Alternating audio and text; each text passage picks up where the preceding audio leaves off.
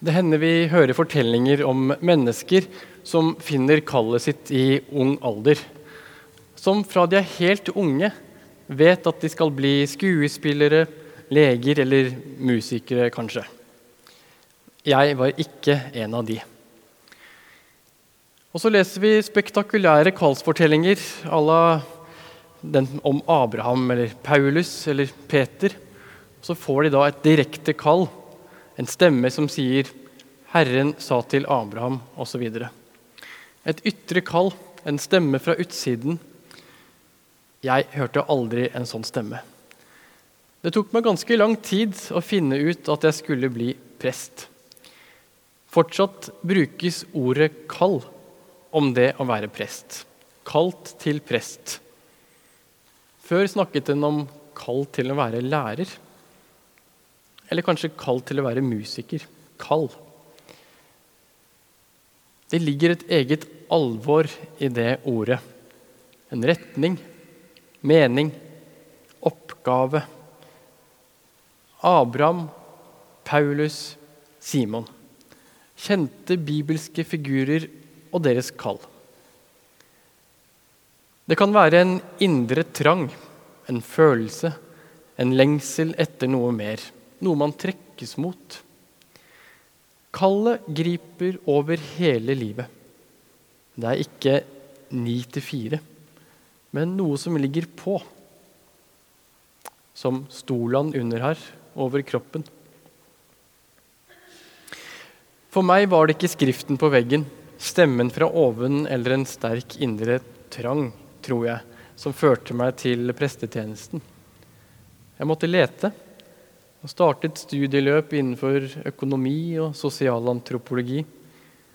Gjennomførte førstegangstjeneste og var frivillig i Sjømannskirka et år. Før jeg fant ut at jeg ville studere teologi. Kanskje bli prest. Så fulgte seks år. Det begynte litt trått, men jeg synes studiene ble mer og mer interessante. Det vokste fram en glede, en begeistring og en nysgjerrighet. Så fikk jeg muligheten til å ta en mastergrad i London, hvor jeg kunne lese, skrive og fordype meg. Og det hadde jeg et stort utbytte av. Men likevel, etter fem og et halvt år, var jeg fortsatt ikke sikker på at jeg ville bli prest. For hadde jeg egentlig det som skulle til? Var jeg klar til å være dette her? Ta ansvaret? Men siden jeg først hadde kommet så langt, så tenkte jeg at jeg måtte ta praktikum for å fullføre utdannelsen. Underveis i praktikum blir man plassert i en menighet i noen uker. Man får mulighet til å prøve seg i praksis. Man blir så å si kastet ut på dypet med gravferder, gudstjenester, konfirmantundervisninger, samtaler osv. Det var vel først da at jeg forsto at det lå for meg å være prest. All selvtvil forsvant ikke, men jeg fikk allikevel en opplevelse av at det bar.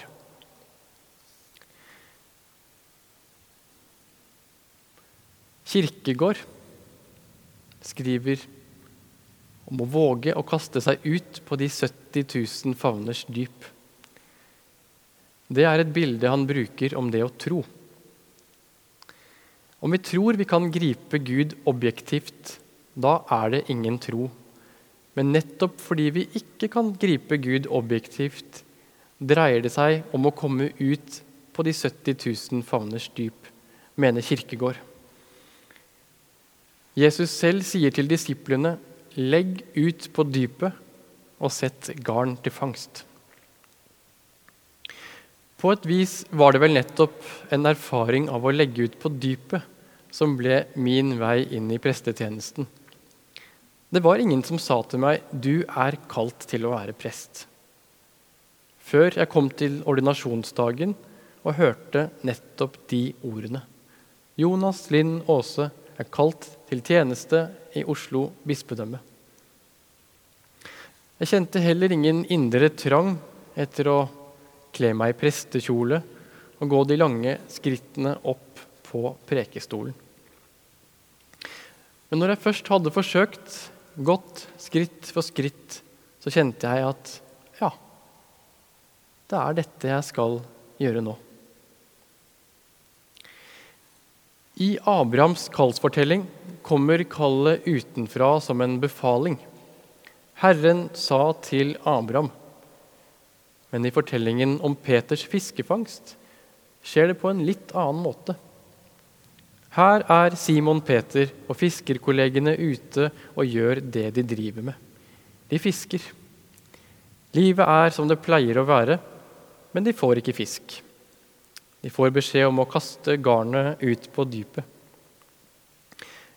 Jesus sier ikke til Simon Peter 'følg meg'. I stedet viser han Simon hva som skjer om han våger seg ut på dypet. Han kaster garnet, og han får litt av en fangst. Simon Peter skjønner at dette betyr noe, men han finner på unnskyldninger for å slippe unna. Så sier Jesus, 'Vær ikke redd'. Fra nå av skal du fange mennesker. Og der, omtrent som en kunngjøring, gjøres det kjent at Peter skal på dypet igjen. For egen del hadde jeg forestillinger om hvordan presteyrket skulle være. Jeg hadde tenkt en del, forestilt meg at det skulle være et stort ansvar og så lurte jeg på om jeg måtte endre meg som person, være en annen for å fylle rollen. Men da jeg sto på de 70 000 favners dyp, forsto jeg at det var et sted jeg ikke hadde vært før. Et sted hvor det riktignok er strømmer og krefter, men samtidig en opplevelse av å ikke være på dypet helt alene. Ikke alle får skriften på veggen, stemmen fra oven, eller opplever en sterk indre overbevisning fra tidlig alder om hva en skal. Ikke alle får jobbe med noe de kan kalle et kall. Men det betyr ikke at vi ikke er kalt. For meg er det som om denne historien om Simon Peter, Jesus, vannet og fangsten minner om dåpen. Å være omringet av vann, bølger, strøm, kaos. For å så komme opp igjen til overflaten med en fangst. For den som er døpt, er det et spørsmål om kall. Det ligger et kall i dåpen. Å bli døpt er å bli ledet til der hvor Jesus er. Det betyr at vi ikke blir ledet vekk til et trygt sted uten fare og stress. Tvert imot. Jesus er i kaoset, hos de trengende, i meningsløsheten der hvor det er rotete. Og Dermed kan den døpte også forvente å være et sånt sted. Et sted hvor det ikke alltid er godt å være men et sted hvor også Jesu kjærlighet og nærvær er. Jesu egen dåp framstilles i ikoner, men også her i Sørskipet. Med at Jesus er dekket av vann. Han står dypt nede i vannet.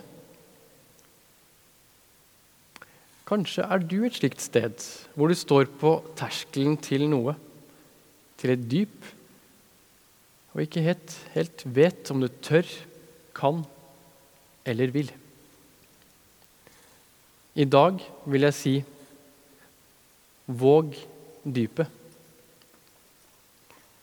Våg de 70 000 favners dyp, og erfar at du ikke er alene. Ære være Faderen og Sønnen og Den hellige ånd, som var, er og være skal, en sann Gud fra evighet til evighet. Amen.